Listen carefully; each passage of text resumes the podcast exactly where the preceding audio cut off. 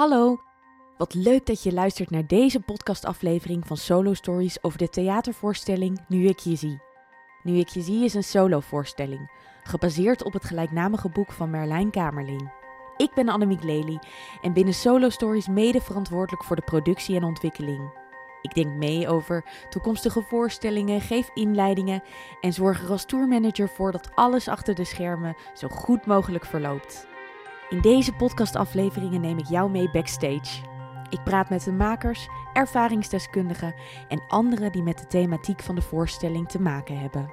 Veel luisterplezier! Vandaag zit ik aan de keukentafel eh, bij Milou Gevers. Zij is documentairemaakster en zij is twee jaar geleden afgestudeerd met de documentaire Waarom bleef je niet voor mij? Ik weet dat onze scriptschrijver Mark Veerkamp veel aan deze film gehad heeft tijdens het schrijven van het script van Nu ik je zie. En dat is een van de redenen waarom ik heel graag met jou zou willen praten, Milou. En dankjewel dat ik dat mag gaan doen. Allereerst, hoe ben jij op het idee gekomen om deze film te gaan maken? Ik studeerde af aan de Filmacademie in Amsterdam.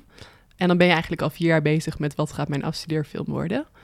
En um, ik had altijd wel in mijn hoofd van misschien moet het iets worden met dat wat ik zelf heb meegemaakt. De zelfdoding van mijn moeder. Ik vond het heel erg jammer dat er eigenlijk geen film was over kinderen die achterbleven na zelfdoding. Dus er waren dingen gemaakt over volwassenen en dingen over vrienden of uh, misschien over broers en zussen of over partners, maar um, eigenlijk geen dingen vanuit het perspectief van het kind. En dat maakte dat ik in ieder geval niet wist dat er andere kinderen waren die hetzelfde hadden meegemaakt. En zeker niet dat er zoveel andere kinderen waren die hetzelfde hadden meegemaakt. Laat staan dat zij dezelfde gevoelens en gedachten hadden als ik. Dus uh, ik denk dat het mij heel erg had geholpen en mijn broertjes en zusjes ook. Als wij een boek of een film of uh, iets hadden gehad, waardoor we hadden geweten ja, dat we niet de enige waren. Maar ik vond het heel spannend om eraan te beginnen. Vooral omdat ik wel wist van het zal waarschijnlijk ook confronterend zijn om iets te gaan maken over dat onderwerp. En het is gewoon een onderwerp waarvan ik het heel belangrijk vind dat, dat, dat ik dat op een goede manier uh, ging maken. Dus ja, met heel erg veel aandacht en zonder uh, het sensationele, uh, wat soms rondom het onderwerp zit. Dus ik vond het wel heel spannend om er iets over te maken, omdat ik dacht, ik wil het op een hele spe specifieke manier maken en anders niet. Ik heb dus ook getwijfeld tot op het allerlaatste moment. Wat is doorslaggevend geweest? Om het wel te gaan maken? Ik denk dat ik uh, toen ik merkte uh, in de gesprekken met docenten en met andere studenten hoeveel ik er eigenlijk over te vertellen had en hoeveel ik er eigenlijk van vond, blijkbaar. Um, en dat dat allemaal dingen waren die voor hun best interessant waren, waar ze nieuwsgierig naar waren en allerlei vragen over hadden. Toen dacht ik, oh, andere mensen zijn eigenlijk best wel geïnteresseerd in dit thema. En ik heb er blijkbaar best wel veel over te vertellen. Voelde het eerste particulier? Ja, het voelde eerst particulier, ja. Ja, ik dacht, uh, wat moeten mensen nou met mijn, uh, met mijn verdriet? Ik had niet echt behoefte om een ego-documentaire te maken. Dus um, om helemaal in mijn eigen verhaal te duiken en uh, een soort zelfreflectieachtige film te maken, dat vond ik iets te veel van het goede. Voor zo'n afstudeerfilm, want zo'n afstudeerfilm is al heel spannend. Het is als filmmaker een beetje je visitekaartje naar de buitenwereld toe. Dus als je dan ook nog iets wat heel persoonlijk is en alleen maar over jezelf gaat, kiest als onderwerp, ja, dat vond ik iets te spannend. Toen ik naar de documentaire keek, toen dacht ik, dit gaat over jou en dit gaat helemaal niet over jou. Snap je waarom ik dat dacht? Ja, klopt. Ja, ik heb mijn eigen verhaal heb er uiteindelijk op een subtiele manier, denk ik, in verweven.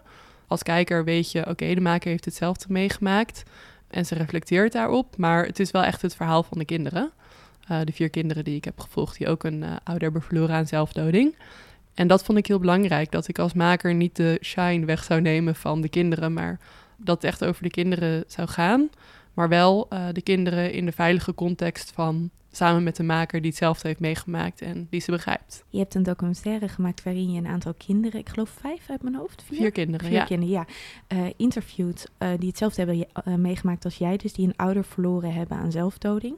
Zeg jij zelfdoding? Zeg jij, jij zelfmoord? Maakt dat uit voor jou? Um, nou, mensen zijn echt heel erg streng op dat je het woord zelfdoding zou moeten gebruiken eigenlijk. Dat merkte ik tijdens de research heel erg. Toen ging ik contact opnemen met allerlei professionals. Uh, natuurlijk, mensen die al heel lang bezig zijn met het thema. En voor hun was het woordje zelfdoding heel belangrijk, omdat zelfmoord dat impliceert toch op een bepaalde manier een bewuste keuze of een geweld. bepaalde mate van geweld. Yeah. Alleen ik merk dat ik zelf nog wel heel vaak die woorden door elkaar heen gebruik omdat ik vond het belangrijk om in de film de taal van de kinderen te gebruiken. Dus niet om mijn eigen woorden die ik uh, belangrijk vond erin te duwen. Mhm. Maar eigenlijk de kinderen te volgen in hun bewoordingen en uitleg van de dingen. Dus de kinderen zeggen natuurlijk wel heel vaak gewoon zelfmoord. Uh, dus dan heb ik bewust besloten om niet ja, het woordje zelfdoding te moeten gebruiken in de film. Maar gewoon Precies. Uh, soms de een, soms het ander. Ja. Je bent in meegegaan in hun perceptie ervan. En dat is, dat is mooi. Jij hebt uh, deze vier kinderen geïnterviewd. Je hebt ze de vragen gesteld, zoals je ook in het begin heel duidelijk in de documentaire zegt, waarvan je bijna zeker weet dat ze niet aan je gesteld worden, omdat jij dat zelf ook hebt ervaren. Je hebt dat gedurfd om dat wel te doen. En tegelijkertijd worden die interviews worden afgewisseld met illustraties, waarin je in mijn optiek een, een kind precies ziet die dus um, de zwaarte van het onderwerp moet dragen of aangaat of daarmee geconfronteerd wordt. Zonder dat het heel expliciet wordt voor mijn gevoel. En dat vond ik iets heel, ja, dat had iets poëtisch, maar ook iets heel, um, hoewel het ook wel weer zware illustraties waren om te zien, maakte dat het op een bepaalde manier ook draaglijker en kinderlijker. Dat was, ook, uh, dat was ook het doel inderdaad, om uh, iets van ademruimte af en toe te geven tijdens de interviews, die toch best wel heftig zijn natuurlijk. Ik merk ook, nu ik de film dan een, een tijdje zelf niet had gezien en ik kijk hem terug, merk dat ik soms tijdens de interviews mijn adem de hele tijd zit in te houden of zo. Dat dat, uh, dat effect hebben, die gesprekken soms. Dat was precies wat ik aan jou wilde vragen. Van jij stelde de vragen die jou nooit gesteld zijn. Maar hoe was het om ze zelf te stellen? Want jij weet wel de zwaarte die erachter zit, als geen ander. Ja, het was heel spannend om die vragen zelf te stellen natuurlijk. Um, ik had het vermoeden dat het fijn zou zijn voor, voor ze als ik ze die vragen zou stellen, omdat ik zelf wist uh, hoe erg ik het eigenlijk had gemist dat uh, iemand die dingen durfde te vragen aan mij. Maar natuurlijk om die woorden uit te spreken, ja, we zijn er helemaal niet gewend aan om dat soort vragen te stellen. Dus dat voelt dan opeens even heel echt, heel eng echt, zeg maar, om die vragen gewoon zo uh, rechtstreeks te stellen. Ook wel, voelt, ook een beetje brutaal. Ja, ja, dat snap ik. En je ziet toch gewoon een kind tegenover je, wat nog kwetsbaarder voelt dan een volwassene, lijkt me. Ja, of had je daar niet zoveel last van? Nou, ik had, um, ik had de kinderen van tevoren al wel best goed leren kennen. Ik was al vaker natuurlijk bij ze thuis geweest en we waren al een beetje gewend aan elkaar. Dus ik wist wel bij elk kind ondertussen van, nou, tot zij kunnen er uh, op die manier over vertellen, zeg maar. En dit vinden ze denk ik wel en niet fijn. Dus toen ik eenmaal het interview zelf ging doen, had ik wel een goed beeld van de kinderen en wist ik ongeveer wat ze aankonden.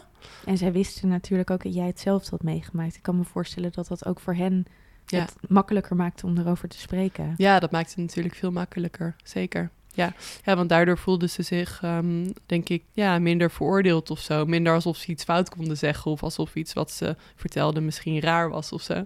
Ja, precies.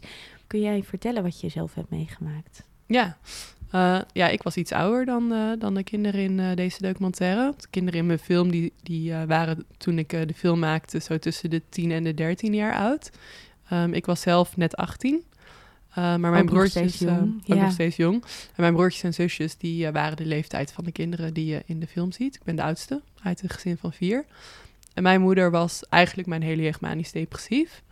Eigenlijk zolang ik me kan herinneren. En ook een aantal keer opgenomen geweest. En toen, in die tijd wist ik eigenlijk niet zo goed dat zij een ziekte had. En ook niet dat dat manische depressie heette. Ik dacht gewoon, ja, mama is vaak heel moe. Ze ligt vaak in bed. Ze is vaak verdrietig. En ik nam niet vaak vriendjes mee naar huis, bijvoorbeeld. Maar verder had ik niet echt de kennis van...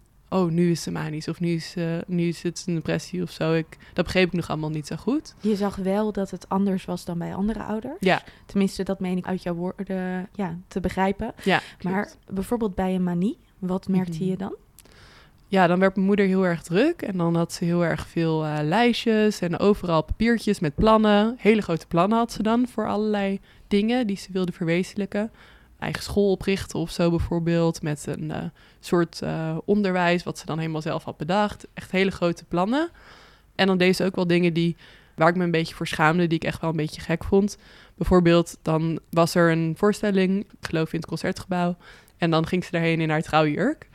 Um, omdat ze dan zoiets had van, ja, het is toch zonde als ik mijn trouwjurk maar één avond aan heb. En heerlijk die aandacht en dat iedereen dan even ziet hoe mooi ik eruit zie daarin en zo. Dus ja, als kind, om de een of andere manier ik was er gewend aan dat ze af en toe van die buien had. Dus ik, op, een gegeven moment verbaasde het me ook niet meer of zo. Maar het was ook zeker toen ik in de puberteit kwam, schaamde ik me ook af en toe wel een beetje daarvoor. Ja, dat kan ik me voorstellen. Je wil juist in je puberteit dat je ouders je... Nou ja, je schaamt je sowieso voor je ouders in je puberteit. Ja, precies, precies. Wat ze ook aan hebben. Precies, maakt niet uit. maar als het dan nog een stukje abnormaler is dan wat jij op dat moment normaal acht... Ja. Ja, dan wordt het ingewikkeld. Ja. Ja. En daar heb je op een gegeven moment... kan ik me voorstellen op een bepaalde manier ook mee leren leven. Omdat je ook ziet dat je ouders niet veranderen. Eh, klopt dat als ik dat zeg? Of heb je dat altijd ingewikkeld gevonden? Nou, wat lastig was, was omdat, omdat mijn moeder ziek was, dat, ja, ehm, dat op sommige momenten dat het wel lukt om voor ons te zorgen, maar op sommige momenten ook niet. Dus uiteindelijk kwam het er wel op neer dat ik heel veel bij vriendjes eh, was en ook logeerde en soms zelfs periodes daar woonde. Dus ehm, ja, zo ongeveer vanaf mijn twaalfde, denk ik, ben ik wel eh, veel bij, eh, bij vriendjes en zo geweest en minder thuis. Is dat ook het moment waarop jij doorhad en mama is ziek? Ik denk dat ik pas echt 100% zeker wist van... oké, ze had echt een ziekte toen ze overleden was. Eh, dat mensen toen pas echt dat benoemden. Zo van, oh ja, vanwege haar depressie en zo. Dat, toen dacht ik, oh, er zijn blijkbaar ook echt woorden voor. En ze was wel bij een psychiater en zo. En ze had wel een diagnose, maar... eh, ze, zij wilde heel graag niet gedefinieerd worden door haar ziekte. Dus ze deed altijd heel erg haar best om van haar diagnose af te komen. En te zorgen dat zo min mogelijk mensen eigenlijk dat woord eh, of dat label eh, kenden en gebruikten. Dus daarom was het voor ons als kinderen ook niet. Was dat schaamte, denk je? ja, ik denk dat ze graag wilde dat mensen haar zagen als meer dan haar, alleen haar ziekte. Hoe is het voor jou geweest op het moment dat je dat bent gaan beseffen? En zeker omdat je ook weet wat de consequentie geweest is. Een gekozen consequentie. Ja. Tja, ik denk dat ik dus pas echt heel goed begreep dat ze echt ziek was geweest in haar hoofd dat, op het moment dat ze zelfmoord heeft gepleegd. Ehm, en ik had daar eerder wel eens over nagedacht dat dat misschien zou kunnen gebeuren. Maar meer als een soort van gekke gedachte die dan even door je ho- hoofd vliegt of zo. Maar niet als iets waarvan ik echt serieus dacht van eh, misschien kan dat of zo. Eh, dus toen het gebeurde was het aan de ene kant geen verrassing, omdat de gedachte bij mij wel eens gepasseerd was van het zou kunnen of zo. Maar aan de, De andere kant was was het toch een enorme shock. Ja, ja. ja, ja, nou, ja natuurlijk. Het is zo'n ingrijpende gebeurtenis in je leven. En misschien wel het ergste wat een kind kan overkomen. Dus Ja. natuurlijk grijpt dat enorm aan. Wat heeft dat met jou gedaan? Nou, in eerste instantie echt gewoon shock. Echt gewoon een eh, helemaal gedis, gedes, hoe noem je dat? Gedisassocieerd, zeg maar. Dat je gewoon helemaal gewoon... Gedissocieerd. Ja, dat je niet ja. op.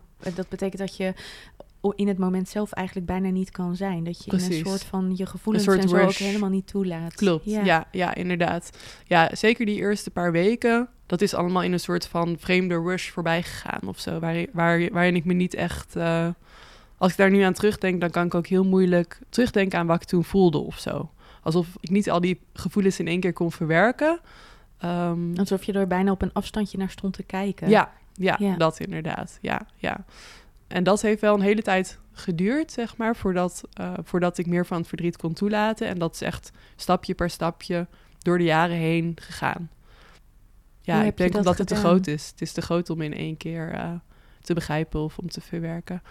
Nou ja, in eerste instantie, ik was dus net 18 toen mijn moeder overleed. In eerste instantie heb ik, heb ik gedacht, wow, ik heb nu best wel stomme tijd achter de rug. Met mijn moeder die eerst heel lang ziek was en nu dit. Nu ga ik gewoon zelf iets heel leuks maken van mijn leven. Dus eerst ben ik echt jaren bezig geweest met vrienden, vriendjes, feesten, uitgaan, studeren. Alleen maar leuke dingen eigenlijk. Tegenkleuren. Ja, ja, eigenlijk wel. Ja, ik dacht gewoon, nou, nu is het mijn tijd. Want daarvoor was ik natuurlijk, had ik, had ik vaak zorgen. En op een bepaalde manier was natuurlijk het overlijden van mijn moeder ook een opluchting. Uh, want die zorgen, die waren weg. Want het ergste wat had kunnen gebeuren, was toch al gebeurd. Dus het was ook op een vreemde manier een bevrijding, naast het verdriet. En ik heb toen echt wel een paar leuke jaren gehad, zeg maar, genietende van dat mijn eigen geluk of zo opeens voorop kon staan of zo. En toen, na een paar jaar doen alsof niet was gebeurd eigenlijk, kwam het natuurlijk toch bij vlagen af en toe terug. Dat uh, ik merkte dat bijvoorbeeld dat als ik met mensen het had over hun ouders en zij gebruikte het woord mama, dat ik dan zo'n soort van steek in mijn buik kreeg of zo. Dat ik dan een beetje buikkrij- buikpijn kreeg van dat woord gewoon. Dat ik dacht, poeh, er zit nog heel veel, van, heel veel gevoelens bij dat woord voor mij.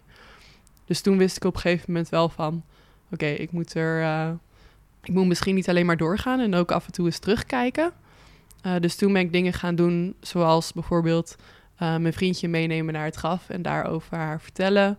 Foto's kijken van vroeger. met mijn zusje en mijn broertjes daar wat meer over praten. Ja, dat soort dingen. Hoe was dat? Het was eigenlijk best gek om, om daar meer over te gaan delen. Omdat ik had echt lange tijd het gevoel alsof er een leven eh, voor en een leven na was. Eh, en dat die twee levens eigenlijk nog niet echt met elkaar verenigd waren of zo. Dus het was best wel ehm, om daar opeens over te gaan vertellen. En ook, ook dus weer die gevoelens te gaan voelen.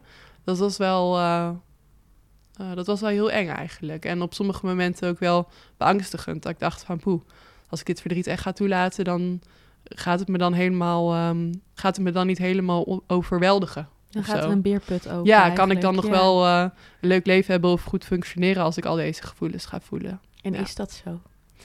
Nou, ik denk op een, op een bepaalde manier zijn je hersenen best wel slim, want die zijn gewoon zo van, zoveel kunnen we nu toelaten en zoveel kunnen we nu niet toelaten. Dus Net als in het begin ja. eigenlijk, dat je ging dissociëren omdat het, het was te veel. Ja, ja, precies. Dus ja, door het echt stapje voor stapje te doen, heeft het me nooit totaal overweldigd. Hoewel ik natuurlijk wel periodes heb gehad waarin ik gewoon het, het, het lastiger vond dat ze er niet was. En periodes waarin ik er juist weer even minder aan dacht, bijvoorbeeld. Of er juist weer beter eh, mee kon omgaan. En periodes waarin ik het dan moeilijker vond, dat, dat zijn bijvoorbeeld dan eh, de, de belangrijke momenten. In je, zoals eh, nou ja, dingen als eh, natuurlijk uit huis gaan en je diploma halen en je eerste vriendje. Weet je, al dat soort dingen. Dat is dan toch weer verdrietig. Dat, je dat, dat ik dat niet kon delen met haar en dat ze daar niet bij was. Wat heeft het met jullie band gedaan? Heb jij het gevoel dat je haar altijd begrepen hebt?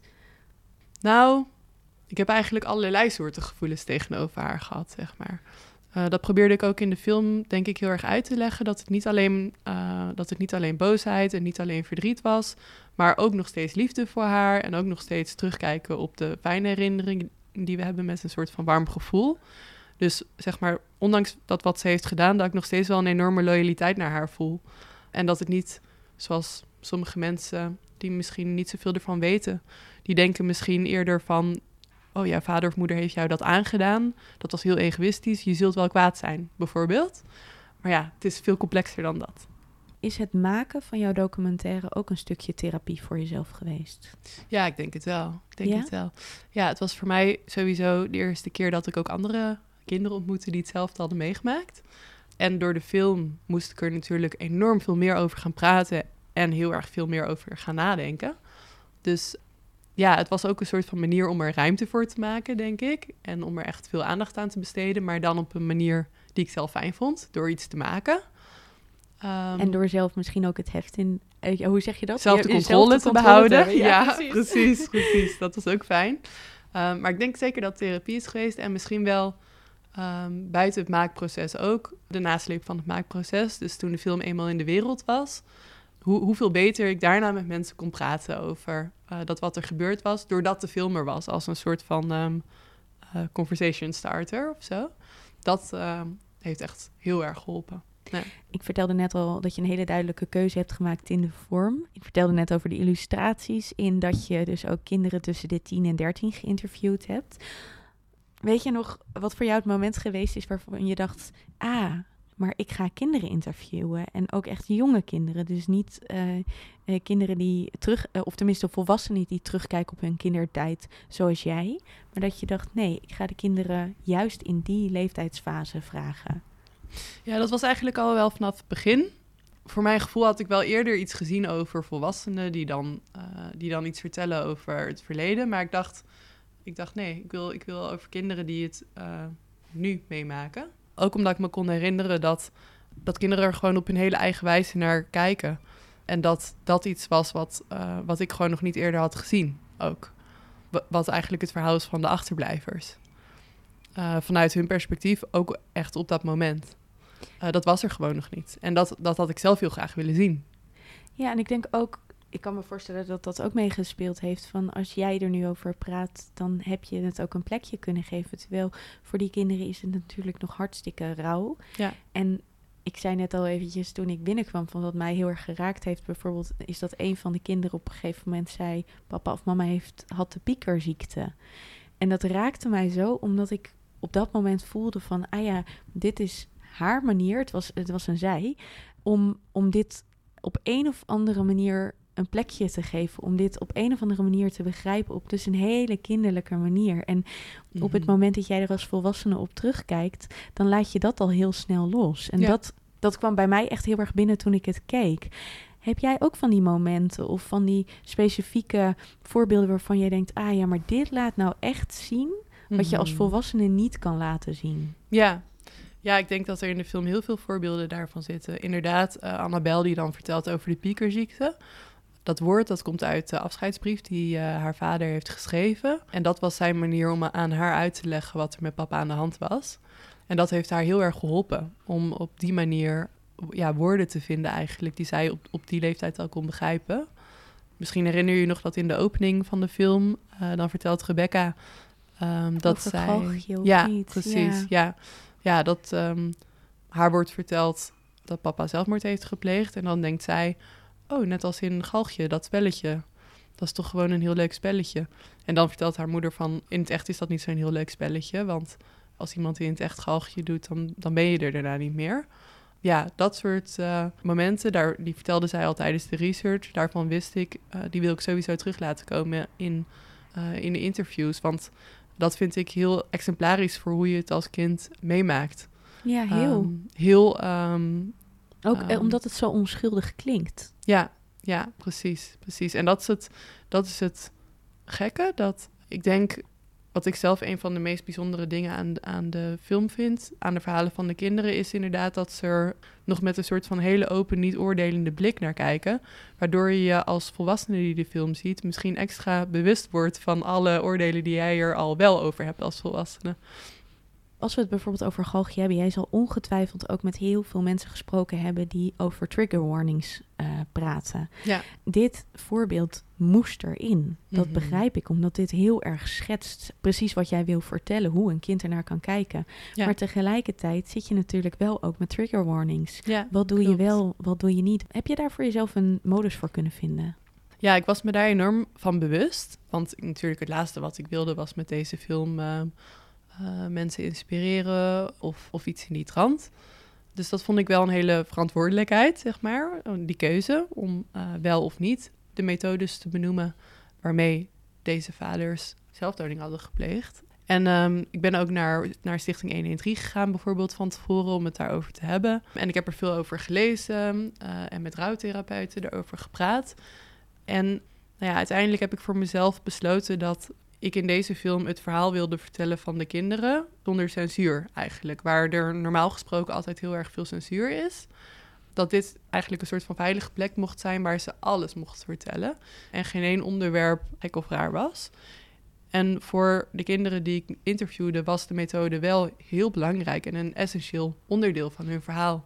Net zoals de manier waarop mijn moeder het heeft gedaan. Zij is voor het trein gesprongen is heel belangrijk voor, voor mijn verhaal. Zeg maar. ik, Mhm. als ik dat weg zou laten, zou het gewoon niet echt meer als mijn verhaal voelen. Alsof je een, voor mij een, een essentieel onderdeel weg, weghaalt. Het Ja, is onderdeel van je is- ervaring. Het is heel belangrijk, Ja. want eh, dat moment waarop het is gebeurd, daar ga je gewoon nog jaren over nadenken van hoe is dat gegaan die dag? Eh, op welk moment heeft ze besloten, brief achtergelaten of niet? Weet je, al, al die dingen. Wat heeft ze gevoeld op Ja. zo'n moment? Ja. Is ze bang geweest? Ja. Precies, precies. Dus dat moment is heel belangrijk. Eh, dus als ik dat zou weglaten, dan zou het gewoon voelen alsof ik ehm, eigenlijk op een respectloze manier om zou gaan met hun verhaal. Zo van iets wat voor hun essentieel is, weghalen. Uit angst dat andere mensen er misschien door geïnspireerd zouden worden. En dan vertel je ook niet het verhaal dat je wil vertellen. Precies, precies. En toen heb ik gedacht, volgens mij als je de hele film in zijn geheel ziet, denk je als ouder met zelfmoordgedachten niet, oké, ik ben over de streep getrokken, ik ga het doen. Dan denk je misschien eerder, oké, dit is hoe ik mijn kinderen zou achterlaten. En wat ze zouden voelen en denken nadat ik er niet meer ben. En misschien houdt dat je toch eerder tegen. Dus Ehm, hoewel het niet mijn bedoeling was om een suïcidepreventiefilm te maken, maar echt een film te maken over en voor nabestaanden, is het denk ik uiteindelijk toch ehm, een Het soort effect. preventiefilm geworden. Weet ik ook doordat ik daarna veel mails heb gehad van mensen die vertelden dat de film op die manier voor hun had gewerkt. Dat is toch ongelooflijk, hè? Dat, ik kan me voorstellen dat dat samen met het feit dat je natuurlijk trots bent dat het je gelukt is om deze film te maken, dat dat een soort van bijeffect is waar je ongelooflijk trots op mag zijn. Ja, ja, dat is zeker een bijeffect wat ik niet van tevoren eh, had voorzien. Had je dat echt niet eh, eh, Ehm, ja, ergens stiekem gehoopt of gedacht? Tja, weet je, ik, ik ben denk ik, ehm, daarom ben ik misschien ook documentairemaker. Ik ben niet iemand die heel snel oordeelt over iets. En ook als het gaat om zelfdoding, ja, wie ben ik om te bepalen voor iemand anders of, of dat een goede keuze was of niet, of of dat mag of niet. Ik bedoel, ik, be- ik begrijp hoe complex het is. En ja, ik wilde in mijn film geen oordeel geven over zelfmoord is goed of slecht of mag of niet of zo. Ik dacht, ik wil gewoon het verhaal vertellen van ons, de kinderen die achterblijven. En wat mensen daaruit meenemen, dat, eh, dat hoor ik later wel. ja. En dan is het inderdaad echt, eh, nou ja, ik kan me voorstellen, zelfs ontroerend als je dat dan hoort. Dat je denkt, oh jeetje, dit is gewoon wat deze film ook doet. Buiten het verhaal Ja, alleen vertellen. Dat was wel heel bijzonder om te horen. achteraf. En je hebt ook een hele mooie prijs gewonnen ervoor. Daar staat hij. oh, een heleboel, ja, precies. Nee, ik doelde op de studenten-Oscar. Ja, Maar het zijn er dus veel meer. Wat, wat heeft dat met je gedaan? Ja het is, dat was natuurlijk te gek. Om voor een film die eigenlijk voor mij persoonlijk zo belangrijk is, daar soort van van buitenaf ook die erkenning te krijgen. Dat dat andere mensen ook heeft geraakt. Ehm, ja, dat is heel bijzonder. En het feit dat we de studenten Oscar wonnen, dat gaf ons bijvoorbeeld ook de kans om naar veel internationale filmfestivals te gaan. Waardoor die ook wat verder dan de Nederlandse grens is verspreid. Ja, daardoor heb ik veel kunnen reizen met de film en hem kunnen laten zien in allerlei andere landen. Zoals een paar weken geleden in Japan, waar suicide ratings het hoogste zijn eh, ter wereld. Dus dat, dat was heel bijzonder om meer met de film te kunnen doen dan alleen hem hier in Nederland te laten zien, maar ook echt buiten de grenzen. Het breekt niet Ehm. alleen een taboe in Nederland, maar echt over de hele wereld. Want daar zeg je iets heel, heel belangrijks. In Japan is het heel hoog, maar eh, het is tegelijkertijd ook weer zo dat... eh, ik sprak met eh, Dick Swaap voor een van de podcasts in deze serie. En die zei, ja, in sommige landen is er gewoon ook nog veel minder überhaupt over bekend. Omdat het zo'n taboe is dat de ratings eigenlijk niet eens heel helder zijn. En wij in Nederland vinden het nog steeds een taboe. Maar het feit dat jij zo'n film kan maken, maakt al wel dat er iets meer openheid over is. En dat je dan juist naar dat soort landen kan om dit te laten zien. Ik kan me voorstellen dat dat als iets heel bijzonders en belangrijks voelt. Ja, zeker, zeker. En het is ook heel interessant om ehm, eh, na afloop van de film is er dan soms een Q&A en om dan te horen wat voor vragen er worden gesteld in andere landen. Heel ander soort vragen dan bijvoorbeeld hier in Nederland. Ja, dat is wel voor mij ehm, heel leerzaam geweest over hoe, hoe mensen eigenlijk buiten de landsgrenzen over dit thema denken en daarmee omgaan. Kun je daar een voorbeeld van geven? Nou, ik heb eigenlijk heel veel positieve reacties gehad op de film. Maar eh, tijdens een QA eh, in Roemenië, waar mensen heel gelovig zijn eh, en het idee hebben dat mensen die zelfmoord plegen naar de hel gaan en dat dat iets is van de duivel eigenlijk. Daar kreeg ik een reactie, een vraag eigenlijk. En de vraag was: Do you think suicide is normal? Alsof ik eigenlijk zelfmoord probeerde te normaliseren met deze film. Tenminste, dat maakte ik op uit die vraag. En mijn enige antwoord op die vraag was: Well, uh, at almost any school in the Netherlands, there's at least one child, the parent who committed suicide.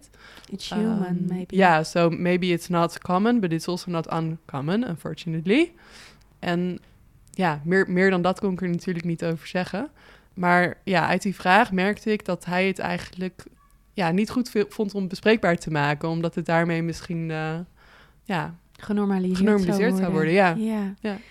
Ik heb een laatste vraag. Eh, sinds het uitbrengen van de film ben je zelf moeder geworden. ja, Maakt dat dat je op een andere manier naar dit onderwerp kijkt? Of dat je misschien juist denkt van... oké, ik ga op een gegeven moment mijn zoon of dochter deze film laten zien? Ja, nou, ik heb natuurlijk wel nagedacht, eh, zo van hoe ga ik aan, aan Lola, mijn dochter, later uitleggen dat haar oma er dus niet is. Ze heeft gelukkig een hele lieve stiefoma, maar dat haar echte oma, dat die er dan, dat die niet meer leeft. Wanneer ga ik dat vertellen en in, dat in wat voor woorden en zo? Dat heb ik al gedacht voordat ik überhaupt zwanger werd. Zo van, oh ja, het is natuurlijk niet alleen ik die een moeder verliest, het is ook mijn toekomstige kind die een oma verliest, bijvoorbeeld. En ja, aan de ene kant, uh, nu ik zelf kind heb, is het nog moeilijker om te beseffen dat je als moeder zelfdoding kan plegen en op een bepaalde manier dus je kinderen uh, achterlaat. Dat is confronterend, denk um, ik. Ja. ja. Uh, en het is natuurlijk extra mijn moeder missen, want uh, tijdens zo'n zwangerschap en, en bevalling en kraamperiode, ja, dat is een moment waarop je als vrouw, denk ik, behoefte hebt aan een moederfiguur. En die was er niet bij mij. Dus dat heb ik zeker op dat moment weer gemist. Het roept ook vragen op. Hoe was dit voor jou tijdens ja, ja precies, jouw zwangerschap van mij? Ja. ja, dus ik heb ook veel aan mijn vader gevraagd over, over hoe dat voor mijn moeder was en hoe zij was toen ik klein was, bijvoorbeeld. Um, maar het heeft me ook wel weer dichter bij mijn moeder gebracht, bijvoorbeeld. Ja, nu, ik voel me op een bepaalde manier ook veel meer uh, verbonden met haar nu. Omdat, ja, omdat ik nu dezelfde rol vervul als dat zij natuurlijk heeft vervuld. En uh, ze was uh, echt, naast dat ze ziek was, was ze ook echt een hele liefdevolle moeder aan wie ik heel veel fijne herinneringen heb. Dus ja, heel veel dingen die ik zelf nu doe met mijn eigen dochter zijn ook dingen die ik fijn vond met haar. Bijvoorbeeld, ze was iemand die heel graag voorlas en graag verhalen vertelde en liedjes zong en zo. En daar geniet ik nu ook weer heel erg van. En dan maakt dat ook weer dat ik weer terug kan denken aan die herinneringen. En kan denken, oh ja, dat waren eigenlijk heel fijne momenten. Die waren er ook. Mooi. Dankjewel, Milou. Ja, graag gedaan. Wil je naar Nu ik je zie komen kijken? De voorstelling is van 19 januari tot en met 4 juni te zien in de Nederlandse theaters. Ga naar solostories.nl om een kaartje te bestellen. Leuk om je in de foyer te zien. Kom je na afloop naar me toe om te vertellen wat je van de voorstelling vond? of via onze socials. Tot dan! De totstandkoming van de voorstelling Nu ik je zie wordt mede mogelijk gemaakt door 113 Online, Slachtofferhulp Nederland, Mind, Fonds Podiumkunsten en het Dr. C.J. Vajant Fonds.